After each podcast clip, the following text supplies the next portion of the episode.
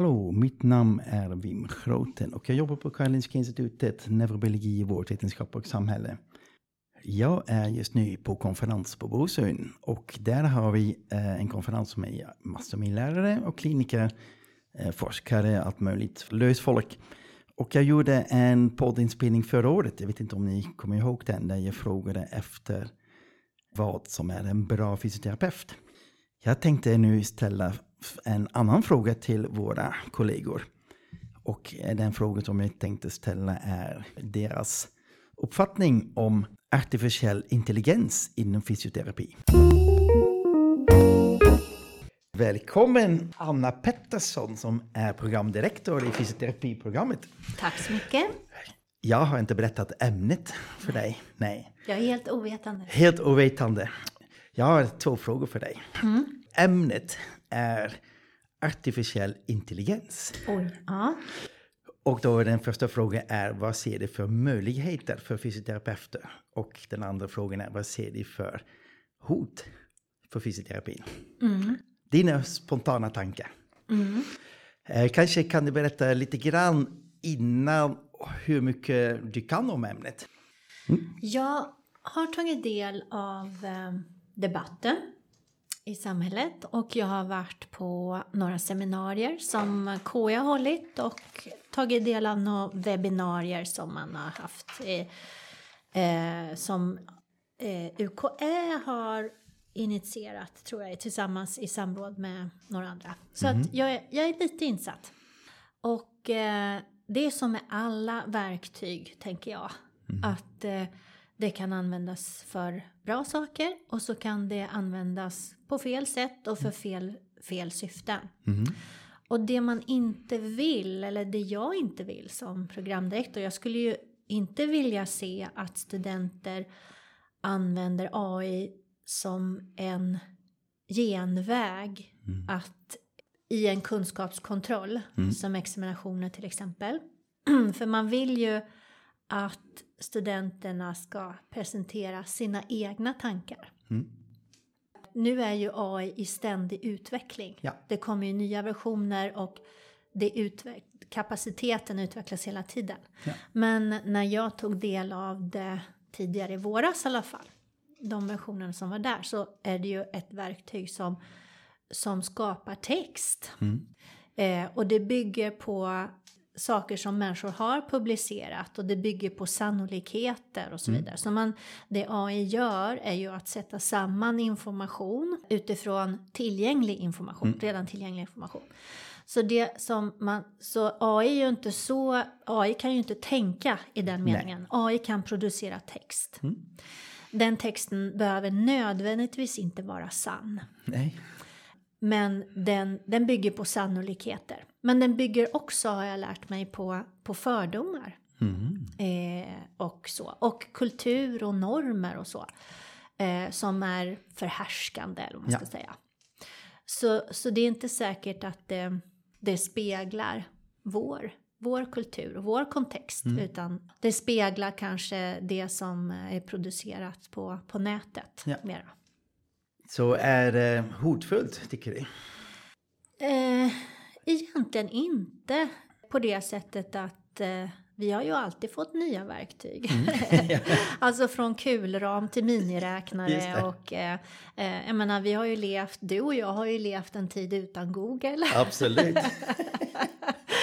det kan man inte föreställa nej, sig idag. Nej. Jag använder ju själv Google säkert varje dag. Ja, precis. Eh, och, eh, och vi har också levt i en tid, du och jag, när man inte kunde ah, PubMed. Nej, liksom. Man fick gå till biblioteket och hämta, artiklarna. Ja, och hämta artiklarna för hand och gå ner i källaren och beställa. Ja. Och, ja. Man prenumererade på fysiska tidskrifter och tittade i någon innehållslista och gick till kopiatorn. Och, eh, det kommer nya verktyg hela tiden. Och jag tror att eh, det som är läskigt med AI, att det, det, är att man kan använda det för så många olika syften, mm. att det utvecklas så snabbt. Men jag tror att vi behöver prata om det och problematisera det. Mm. Eh, behöver vi göra. Och sen så kan man också använda det, tänker jag, i situationer. Alltså man kan ju be studenterna att man tar fram en text baserat på AI och så mm. diskuterar man den tillsammans. Mm. Eh, och kanske också konkretisera för att tittar man på en AI-producerad text så är det mycket generella saker Mm. som kommer fram. Och det man behöver göra det är att kanske bryta ner det där generella till någon konkret och specifik eh, situation inom fysioterapi Ja. och en svensk kontext eller hur hade det varit om och så vidare. Just Så att det. man kan använda texten som utgångspunkt för en diskussion och ett lärande. Mm, fantastiskt, du ser en möjlighet alltså. Absolut, det, det gör jag. Men det kräver ju också att vi lärare Mm. eh, ser de möjligheterna och så och tänker om. Eh, men sen som sagt var så blir det ju olyckligt om man som student, och det, jag är- medveten om det, det är ju sånt som man hör att studenterna, liksom, de använder det ju här Ja. säkert. Det finns, folk använder det. Och en uppmaning till alla lärare, Mm, mata inte AI med era examinationsfrågor. Nej. För att AI använder det vi stoppar in i den. Just det. Mm. Jag hörde en lärare som redan har testat. Det, Ajabaja! Gör inte det. Nej, men eh, så är det. Men eh, tanken är ju det här liksom, och, och jag är ju de studenter som känner mig liksom det här att jag är ju intresserad av reflektion och Ja. kritiskt tänkande. Och det här att tänka själv. Mm. Och, och jag måste säga, jag är fascinerad när man tittar tillbaks i historien och tittar på innovationer och, och sånt som, har, som människan har skapat utan hjälp av datorer och verktyg. Det, det kan vara bra att tänka tillbaka riktigt långt tillbaka i tiden. Ja men ta en sån som Einstein till exempel. Han eller- hade inte tillgång till någon dator. Nej. Eller Men- Bach som kan skriva eller sina... Bach.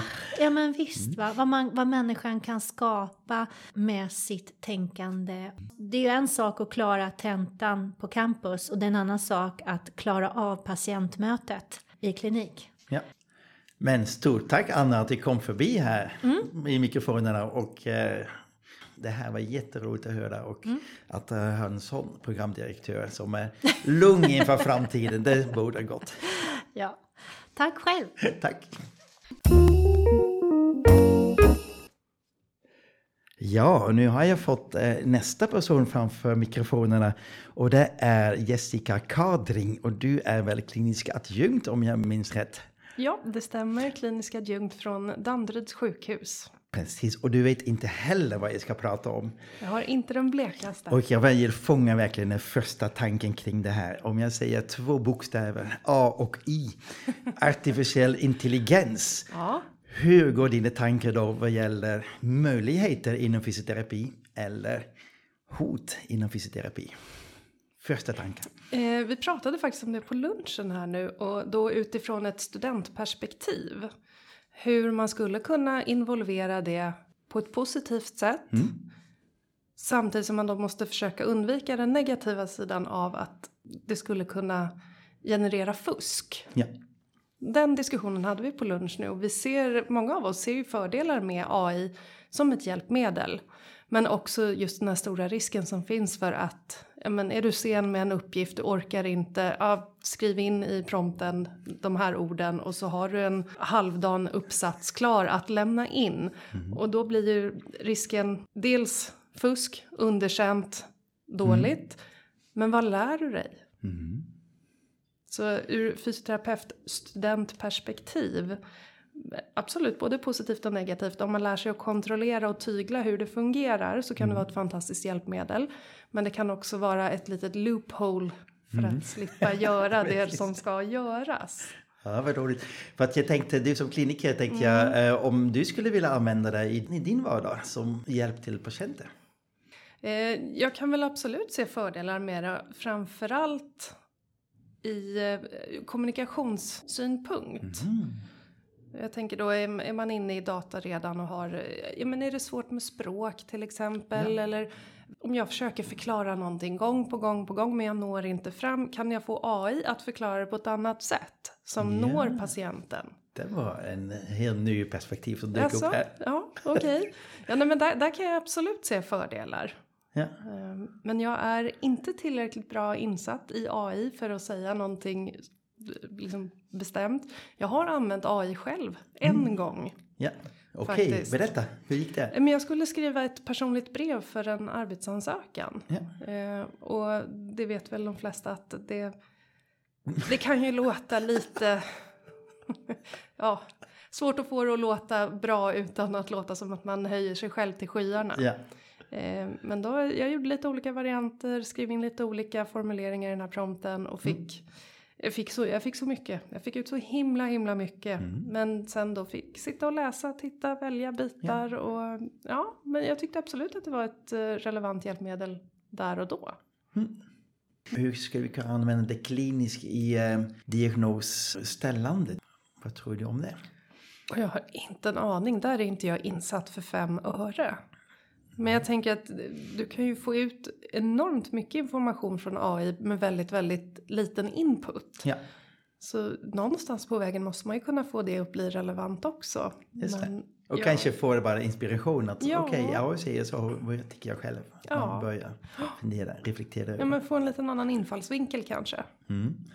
Om du skulle titta i en spåkula och se tio år framåt, tror du att alla använder det här? Jag tror att det kommer vara väldigt mycket större, absolut. Sen tror eller hoppas jag att vi inte går över till det 100 procent. För jag tror att vi stänger av vår egen hjärna lite grann. Så jag, jag hoppas att vi inte går till 100 procent AI och i långa loppet Terminator och allting. Precis. Nej men jag, jag ser syftet med det, jag ser fördelar med det. Men jag tycker inte att vi ska stänga av våra egna hjärnor helt och hållet heller. Vad skulle du vilja ha för utbildning i det här? Tror du att du behöver, eller behöver vi som fysioterapeuter fler Absolut. Mer, mer kunskap? Ja, jag tror att eh, ska AI bli något vi kan använda som en fördel och ett verktyg så kommer vi behöva få en utbildning i hur det faktiskt fungerar. Hur reagerar den här, jag vet inte om man ska kalla det en sökmotor i Ja. någon form, på de ord och fraser jag lägger in. Ja. För jag, jag körde trial and error när jag skrev det här personliga brevet. Det var, det var fina resultat som kom fram. Men eh, jag skulle behöva en utbildning i det, absolut. Precis. Mm. Det ska vi kanske skaffa då, en vidareutbildning i fysioterapi AI. Ja, men ja, jag hade gått den. Det har gått den! Vad bra. Ja, men stort tack Jessica att du kom till mikrofonerna. Tack så mycket. Ja, och då har jag fått nästa person till mikrofonen och det är en student som går i termin 3. Vad heter du då? Jag heter Måns Steckner. Jag är snart termin fyra. Så- Termin tre är ju avklarad redan. Trean är klar! Yes, Precis. det börjar nästa vecka termin 4. Exakt. Fantastiskt. Så det är bara helgen kvar. Sen drar igång. Bra, och du vet ämnet, det är artificiell intelligens. Och Yes. eh, det, jag börjar fråga, hur mycket har du använt? Kan, hur mycket känner du till om AI? Jag känner väl till en hel del från eh, både vad som skrivs och vad jag hört från andra eh, kursare och sånt. Jag har testat lite grann, men jag måste säga att jag är väldigt novis. Ja, men då är vi om för utgångsläget. Ja. Och mina två frågor är, den första är, vad, vad ser du för möjligheter inom fysioterapi? Och den andra, vad ser du för hot inom fysioterapi? Och du kan inte tänka utbildning, men även också klinik. Mm. Stort. Alltså, om jag tänker på möjligheter så tänker jag att de är enorma. Jag tror att det, jag är inte tillräckligt kreativt begåvad för att ens kunna närheten börja tänka ut vad vi kan använda det här till. Men från vad jag har sett hur det har börjat användas inom diagnostik inom eh, till exempel, vad heter det, mm, biomedicinsk det. analys så ser jag att det finns otroliga vinster att göra tidsmässigt och faktiskt detaljrikedom i vad det kan analysera. Så där tror jag att det kommer kunna finnas, kommer kunna bara filma någon, den kommer kunna räkna ut vinklar och se och kunna göra hur mycket som helst. Rörelseanalys alltså. Precis, det Oj, tror jag absolut. Ja, precis. Och det som jag tänker är farhåga, det är att det kommer användas för att motivera nedskärningar och att inte bara för att frigöra tid åt fysioterapeuten för att göra mer kvalificerade saker Mm. som jag tänker, för det är det som jag tänker att vi ska använda alla framsteg till. Ja. Att låta de som har kompetensen få göra det de är bäst på. Ja. Oj, Mm. men hot att eh, arbetsgivare köper in en dator istället. Ja, lite så. Jag tänker som man har börjat använda robotar inom industrin till exempel. Ja. Och man tänker då att ja, antingen så skulle vi kunna ge arbetarna kortare arbetsdagar och att de går runt och hjälper de här robotarna bara och får hjälp av det. Eller så kan vi öka vinstmarginalen. Vilket av dem väljer man? Ja, precis. Så jag hoppas ändå och tror ändå på i längden på människans godhet där. Så jag Ja. tror att det blir bra. precis. För att kan den verkligen ersätta en människa? Inte idag tror jag inte det. Men framöver vet jag inte. Då måste vi gå in på sådana här filosofiska frågor som vad är kreativitet? Ja, ja. Och, vad är, och där, då tror jag, då får vi sitta här ett tag. Fantastiskt. Jag tänkte fråga, eftersom du går på utbildningen, skulle du vilja ha kurser i det här, mer kunskap inom detta? Behövs det mer kunskap? Ja, det skulle jag jättegärna vilja ha faktiskt. För jag tror i och med att vi går mot mer arbete med e-hälsa och liknande och utvecklande av appar och liknande som jag vet att eh, AI används mycket för skulle det vara jätteintressant att ha i alla fall någon introduktion till det för att sen kanske så man vet själv hur kan det här påverka mig och min framtid? Härligt! Vill du lägga till något eller dra ifrån? Det var jätteroligt att få vara med här och prata med er bara. Ja, jag fångade in alla möjliga synpunkter och jag vet inte vad som blir på slutet men den här eh, studentsynpunkten var väldigt härligt att få mig. Ja, Stort tack att du kom till Feature säga. ja men tack detsamma. Hej! Ja, nu hittar jag en till lärare, forskare, klinisk adjunkt eller vad du är, allt möjligt här. Det är Anna Svensson Rask som har varit med några gånger i Fysion säger och du springer alltid runt och när jag frågar efter försökspersoner då dyker det upp direkt. Och Anna har inte hört ämnet och jag säger bara två bokstäver. A och I.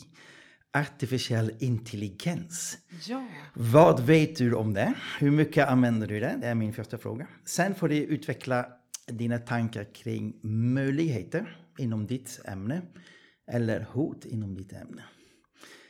Först var det lite bakgrund. Hur mycket kan du om det här? Är det- Nej, men ganska lite. Eh, men jag försöker eh, vara lite uppdaterad inom det i mina, alltså i ämnesområden som tangerar det jag jobbar med. Eh, Och till det var exempel, för, om vi berättar lite grann vad du jobbar med idag. ja men eh, kliniskt intensivvård. Ja, Mm, och då kan det ju röra sig om allt ifrån diagnossättande med hjälp av radiologi, röntgen till Ja. exempel, där du kan använda AI. Eller så kan man ju skriva ut patienter lite tidigare och använda sig av AI för att ha lite check på patienter. Då pratar vi inte intensivvård utan då pratar vi kanske när du skrivs ut från sjukhuset ja. lite tidigare. Och då kan man ha AI för att följa upp hur går det för patienten. De kanske kopplar upp sig mot en padda. Man ställer frågor eller man eh, undersöker fast digitalt. ja. I den mån det är möjligt. Så tänker jag. Och Det- sen så har vi ju, går jag in i lärandedelen så har vi ju AI när det handlar om att producera text. Eh, och då har vi ju chatt GPT till exempel, ja. Som jag själv har testat med vissa frågor inom mitt ämnesområde respiration och intensivvård. För att jag vill veta vad är det det levererar och hur bra är Mhm. ChatGPT. Så så mycket erfarenhet har jag väl. Okej. Ja. Eh, Men eh, ser du några hot då? Vad händer om vi använder det? Det här, alltså om jag vänder på frågan, möjligheter. Möjligheter först. Ja, jag börjar med möjligheter. Jag ser möjligheter med det här för att eh, ibland kan man behöva hjälp eller stöd i sitt lärande. Man kan som lärare kanske ställa frågor eh, via ChatGPT och sen så kan man resonera kring svar. Vad kan vara fördelar, nackdelar? Hur kan man hantera det? För vi måste vara medvetna om att en del studenter gör detta. Ja. Och inom eh, kliniska världen så finns det en fördel av att ha ett AI med sig som kanske kan se saker ur ett annat perspektiv och se, då menar jag inom citationstecken. Men det kan vara ett stöd i vissa beslut kanske. Men det är ändå så att jag som människa, person med mitt team fattar beslut om behandling och utvärdering och restriktioner eller progress. Så att vi kan inte ersättas ännu. Nej. Men är det ett hot kanske?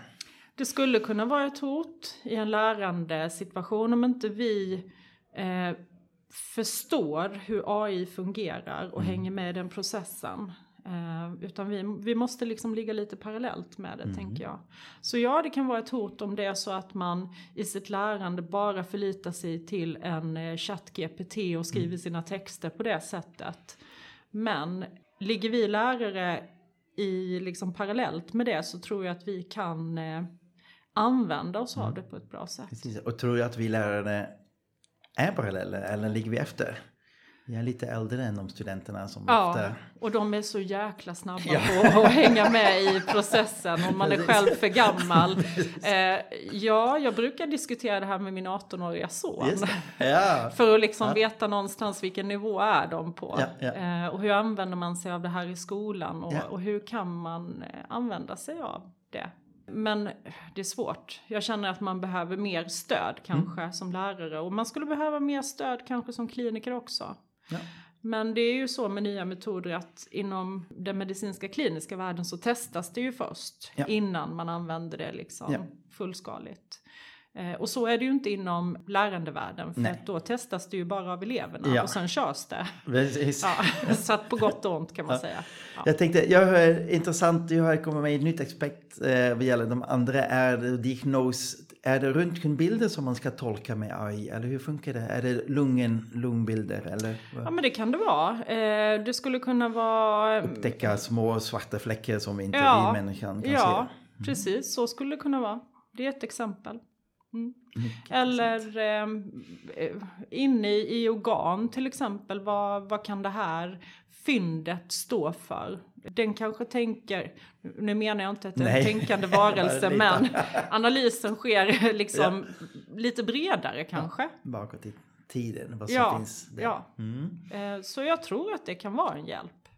Och EKG som du jobbar med kanske, är det något som de, har du hört någonting om att de utvecklar EKG-analyser? Nej, det har jag inte. Inte så att jag kan säga att jag har det, men Mm, okej. det är klart att det finns där också. Det tänker jag. Absolut. Mycket intressant. Ja. Stort tack Anna Ja. att du kom till Fysion säger igen. Tack! Tack. Kul att vara med. Ja, och då har jag fått nästa framför mig och det är Philip von Rosen. Du är lärare, forskare och eh, du vill också vara med på Fysion säger men jag har ingen aning om min fråga.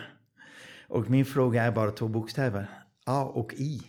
Artificiell intelligens. Har, har du använt det? Kan du ämnet? Och eh, mina två frågor är, vad ser du för möjligheter och vad ser du för hot inom fysioterapi? Ja, det, det var en lätt eh, fråga. men men eh, AI, eh, jag har ju testat eh, chatt eh, GPT, GP3 ja, ja. och, eh, och vilken, vilken betydelse. Jag tror inte vi ska... Alltid när det kommer någonting nytt så är det ju skrämmande och, Ja. och saker måste anpassas och förändras. Men eh, ehm, det blir så... Det går inte att dela in det bara i ett hot. Eller, jag, jag tror vi ska se som vanligt möjligheter med nya tekniker Ja. när det kommer. Mm. Sen måste ju, om vi pratar undervisning, så måste ju den säkert anpassas på olika sätt och bli tydliggöra när kan vi använda AI på vilket sätt och, och ändra examinationsformer. Men för fysioterapeuter så kan du säkert på sikt hjälpa till att fatta beslut om patienter. Mm.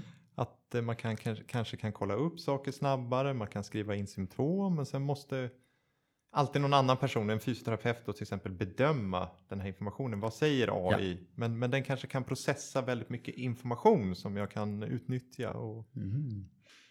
Men vad, och vad var det mer för frågor? Nej, nu? jag men precis. Om du eh, redan har använt det och i, Ja. hur har du använt det just nu i, i Ehm, din nej, jag, jag har eh, testat det mer kopplat till utbildning. Ja. Hur, ehm, om den ska söka upp information om olika, om ett ämne, vad använder den för Ja. referenser, hur sammanfattar den? Och Ja, ja. Hittar den på referenser och Mm. vad, vad, vad bygger det på? Och, Och var det användbart som ni fick fram? Ja, men, men eh, som, som forskare har jag testat att använda den mer i samband med programmering, man skriver koder, Ja. kan man, kan man eh, sammanfatta de här koderna? Kan man, Mm. och det där tycker jag fungerar väldigt bra på, på det lilla jag har använt. Okej, intressant. Ehm, eh, men eh, jag, jag är mer den här test... Eh, Ja. test så, så just kopplat till kanske... Det är alltid någon som måste bedöma det. Så, så, eh, genererar ny information ska man vara tror jag, väldigt försiktig med. Mm. Vad, vad, vad kommer det här ifrån och ifrågasätta det. Ja, så den kan inte ersätta människan. Nej, det, Nej. det tror jag inte. Jag hoppas det, nej, det kan inte. Inte meningen hoppas jag inte heller. Utan vi behöver någon som ska tolka den här informationen och bedöma den. Mm. Mycket bra. Roligt att höra din input här. Vi fortsätter. Stort Ja. tack att du kom till eh, Fysioen Ja, Filip. tack, tack Lim. Ja, nu har jag hittat nästa person här på vår konferens. Vem är du då? Tommy Lundberg heter jag, jobbar på avdelningen för klinisk fysiologi på KI och vi har en kurs på fysioterapeutprogrammet som heter Fysiologi 3 Ja. i termin 2. Just det. Och eh, dagen eh, med på Bosön och pratar alla möjliga saker. Och nu har vi hamnat i ämnet artificiell intelligens. Och det verkar så att du har använt det ganska ofta. Ja, men jag använder det en hel del. Som exempel så använder jag det för att eh, renskriva lite grann det som jag kallar för zero draft, alltså att man har bara skrivit väldigt snabbt från huvudet och vill strukturera upp det lite grann. Eller att man har eh, transkriberat ljudfiler från en föreläsning till exempel så kan den städa upp det. Eller ibland be om feedback på en text som jag har skrivit. Eh, vi har också använt det en del faktiskt för att producera multiple choice-frågor och single best answer-frågor. Som, som vi sen bedömer om de är, håller måttet så att säga för våra examinationer. Då. Men man kan få väldigt bra eh, feedback och idéer och använda det som en, vad ska man säga, att outsourca arbete. Inte att den ska skapa om man inte behöver tänka själv, men, men att man tar hjälp helt enkelt. Just det.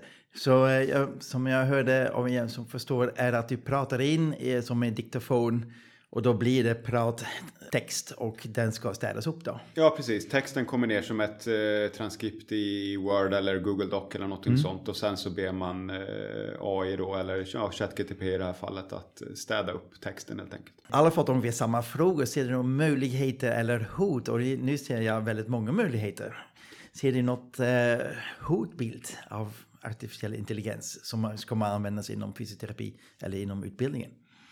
Ja, men vi har väl redan liksom kanske hört talas om en del problem med det här. Dels eh, när det gäller undervisningen så är det ju kanske, det ställer ju större krav på våra examinationsformer och sånt som sker hemifrån idag. Eh, vi har ju, det finns ju också exempel på där folk har använt information från de här tjänsterna väldigt okritiskt och Ja. liksom i princip copy-pastat och till och med glömt att ta bort eh, avslöjande information och sådär. Okej. Så jag tror man ska ju, det är ju det va, att ha ett etiskt och bra förhållningssätt till det här eh, och använda det på rätt sätt. Då. Ju- men vi kommer ju, vi är ju bara i början än också. Så, men jag tror vi ska embracea det och bör, liksom förhålla oss till det redan nu och se eh, liksom, hur kan vi använda det här på ett positivt sätt också i utbildningen. Alltså som även är till hjälp, så inte bara för lärarna utan även för studenterna. Just det. Ja, du nämnde att man spelar in då föreläsningar. Är det, är det en bra idé? Eh, alltså det, det händer ju redan nu att en del frågar om de får spela in ljudet och sådär och jag har Mm. ingenting emot det. Sen, sen brukar ju vi i våra kurser också erbjuda redan en del förinspelade klipp och sådär. Det. Eh, och det, har vi ju, det är ju en av fördelarna nu att vi har märkt att även gamla filmer där vi inte har haft textning eller transkript så är det ju väldigt enkelt idag att ladda ner ljudet från de filmerna och transkribera det i Word till exempel och sen använda ChatGTP för att eh, städa upp det. Just det. Så eh, ett pedagogiskt redskap, säger du? Ja, absolut. Det skulle jag säga redan idag att det kan vara. Mm. Och eh, om ni tänker tio år framöver, vad, vad kommer att hända då? Ja, då borde nästan någon annan sitta här. Men, men eh, det, är alltså, man, det är ju nästan skrämmande om man tänker hur mycket som har hänt de senaste månaderna. Så kan man ju Ja. bara fantisera om vad, hur det kommer att se ut om, om tio år givetvis. Så Mm. det är ju ingen som vet säkert. Men jag hoppas att vi fortfarande fyller en funktion i alla fall. eh, Som Ja. människor också, både i, i undervisningen och i yrket som sådant. Ja, men stort tack för din input här i podden. Tack själv. Tack. Ja, nu har jag fått Tobias här. Hej! Vem är Hej. du då egentligen? Vem är jag? Vem är du? kan man undra faktiskt. Jag är lärare och forskare på fysioterapiutbildningen och eh, har ha- hand mycket om neurologi skulle jag säga Just det. och har den bakgrunden. Så både forskning och lärare. Och eh, eh, alla fick samma fråga. Artificiell intelligens, hot eller möjligheter. Hur mycket använder du dig eh, utav artificiell intelligens just nu? Jag använder det ganska mycket faktiskt. Eh, till och från i olika sammanhang. Eh, dels jag i min forsknings... Dels så jobbar jag mycket med utveckling eh, och framförallt med appar. Och där kan man ta hjälp av AI för att fånga upp eh, saker som man ska skriva. Eh, Skripten då. Ja, men skript. Dels skript men också text som man vill skriva på ett mera, eh, vad heter det, allmän, allmän beskrivning av någonting Just som det. inte är så medicinsk. Eh, så ibland kan man få lite hjälp eh, och stöd med, med hjälp av AI. Kan även använda mina egna texter ibland och be den att skriva om. Jag använder också AI för att titta på om studenterna använder AI. Oj. Eh, genom att klippa in deras texter i sådana AI-verifierare. Kan de verifiera om det är AI-genererade texter? Det kan den göra faktiskt. Eh, till viss del. Den ger ju inte ett, så här, ett 0 till 100 svar utan den ger ett man kan säga, det ger ett svar om att det här är mest, om det är väldigt troligt att det är skrivet eller inte troligt överhuvudtaget. Och sen däremellan finns det några Ja. olika skalsteg. Så att vi, ja, absolut har vi fångat upp någon som har använt det. Oj. Och vad hände då? då? Ja, först så nekade den. Okej. Och sen så sa den jo. Jo, okej. Mycket intressant. Jag tror inte att vi ska fördjupa oss ännu mer i detta då. Men eh, ser du, som jag märker på det, om du använder det, då ser du att det finns massor med möjligheter då. Absolut. Eh, Det finns massvis med möjligheter. Det finns såklart farhågor också, men, men möjligheterna... Ju mer vi också använder det, desto bättre blir det ju. Eh, och man, det gäller ju bara att använda det på rätt sätt. Och vad är det då? då? Ja. Jo, men att, att liksom skapa någon form av bakgrund till någonting eller ja, på ett enkelt sätt beskriva någonting. Men, men man kan ju inte lita på det som står i AI. Alltså det är, de är, den är byggd för att vara övertygande, att den har rätt. Men du kan inte lita på det som står där. Utan du måste ju själv kolla om det verkligen är så. så att, det.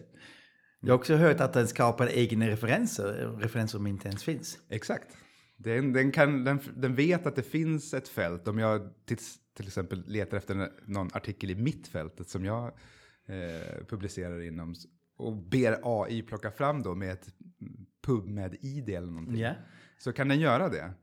Men, och den tar fram författare inom fältet som jag känner till. Eh, och den hittar på ett PubMed-id då. Nej. Och så kan man slå upp det där PubMed-idet och se att den här referensen finns inte överhuvudtaget. Det är helt påhittat. Och då utifrån titlar inom den här eh, genren. Så den hittar på en helt egen titel, ett helt PubMed-id och vilka författare. Oj, nej, nej, nej. Det skulle vi inte vilja ha. Det är, så att den är absolut värdelös på det. Och, och det är väl viktigt att poängtera att det är ju inte en, någon, man, något uppslagsverk där man kan gå och titta efter saker och ting. Jag vet också att du handleder studenter som skriver uppsatser. Mm. Vad tycker du om det då? Du menar AI-kontexten, Ja, jag tänkte om skriva eh, nu eller kanske om- någon student och så sitter och lyssnar och säger mm, intressant. Kan den skriva min uppsats? Nej, det kan den inte. Eller man kan ju försöka, men den kommer ju absolut inte bli godkänd på något sätt. Utan det handlar ju, den kan ju inte resonera på det sättet. Man kan säkert ta, använda den i stycken. Men det här har vi, både du och jag, när vi skickade in en artikel ganska nyligen, så, så står det ju också att AI kan inte vara en medförfattare. Mm, just det, i- som journal. Nej. Ja, precis. Att den får inte vara en medförfattare till den text ni har skrivit. Och har ni använt AI, då ska ni skriva vart ni har använt det i texten. För att se om det verkligen är relevant att ha med. Så att det, det är inte liksom, jag skulle inte använda det om jag skulle skriva en uppsats. Nej. Eller Bra. en artikel eller någonting, utan så fall små stycken. Eh, Att få inspiration.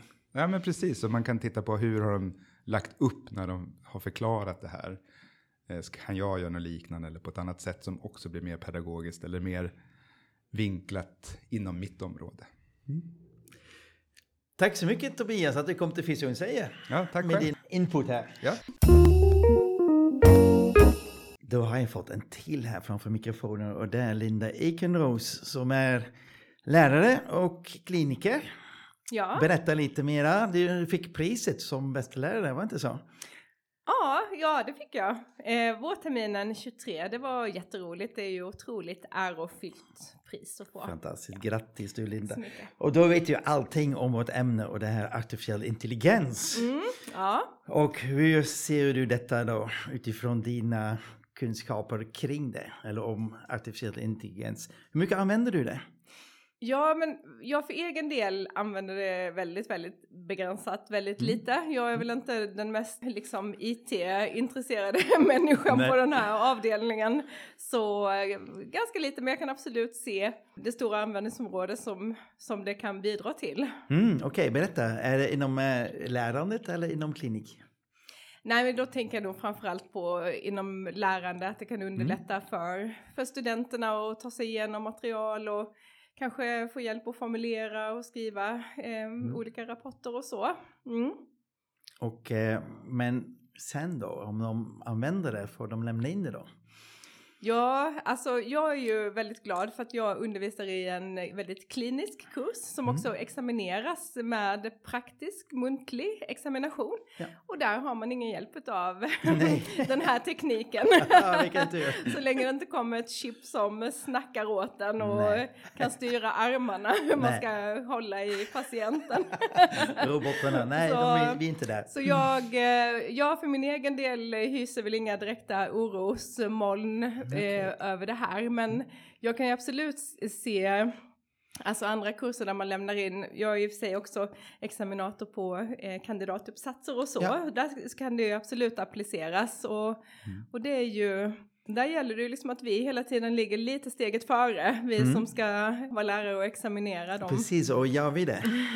Jag gör nog inte det, men Nej. jag, tar, jag lyssnar med jättestora öron på kollegor som är Mm. jätteduktiga, för vi har många jätteduktiga kollegor på det här området och som är superintresserade. Så, så hålla samma stegtakt som de har, det kommer jag nog inte att klara av, men jag Nej. kan lyssna och vara lyhörd för det de säger och deras tankar. Ja, bra det. jag satsar på det. Och jag tänkte inom ditt jobb då som kliniker, när Mm. du träffar, eh, då är det mest idrottsmedicinsk va?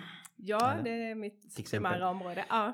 Ser du några möjligheter där, eller hot? Nå, jag vet inte riktigt hur det skulle kunna liksom appliceras i, i, i det sammanhanget runt för idrottare eller för patienter. Mm. Det, inte i deras fysiska ut, Nej. utövande, nej. Till exempel rörelseanalysen eller så. Mm, Och vi tittar Ja. filmerna, analyserar filmer. ja, ja, men precis. Och det är klart att alla, alla är ju intresserade av så mycket detaljer och så hög precision och noggrannhet som möjligt på olika analyser och tester. Så absolut utvecklas det program där som kan underlätta för oss.